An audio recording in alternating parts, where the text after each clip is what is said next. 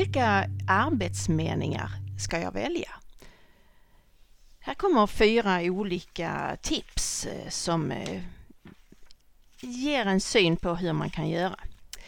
När du arbetar med semeningen så är det ju alltid elevernas verklighet som behandlas.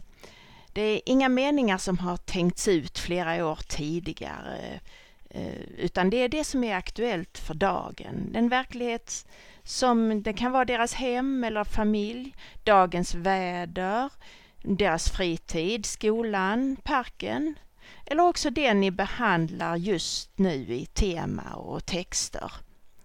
Något som har hänt på morgonen eller eh, på dagen eller i nyheterna.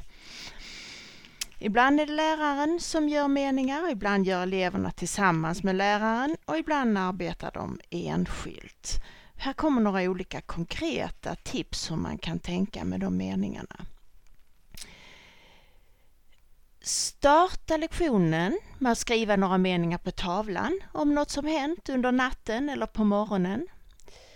Eh, om du skriver raderna på tavlan med ungefär 10 cm avstånd så får du plats att sätta in de här satsdelskorten när, eh, när ni kommer så långt i arbetet.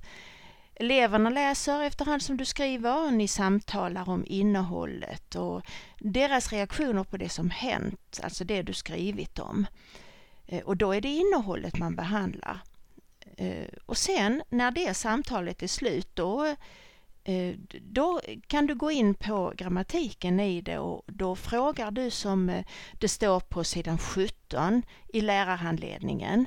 Du letar upp verbet och plats och tid och subjekt och satsadverbial och de olika delarna. Alltså identifiera färgerna och satsdelarna och kollar att placeringen stämmer i mening efter mening. Eh, och så kan det vara morgonens inledning. Det kanske tar 15-20 minuter. Men det är, det är som en start på dagen. Ett andra tips eh, när eleverna har svårt att komma på vad de ska skriva om. De tänker kanske att de ska skriva som en berättelse eller så säg åt dem att välja meningar om sånt som de kan se i klassrummet. Det som finns framför deras ögon. Då brukar det underlätta för elever som har svårt att, hitta ord till allt annat. Eller som det står i trean här, tips tre, du eh, samlar in elevernas meningar på en utvald arbetssida i elevboken och så arbetar ni med de meningarna som exempel. Och det blir ju ingen hel berättelse utan det blir enskilda meningar som har samma uppbyggnad allihop. Till exempel meningarna med bindord nummer 6 i elevboken.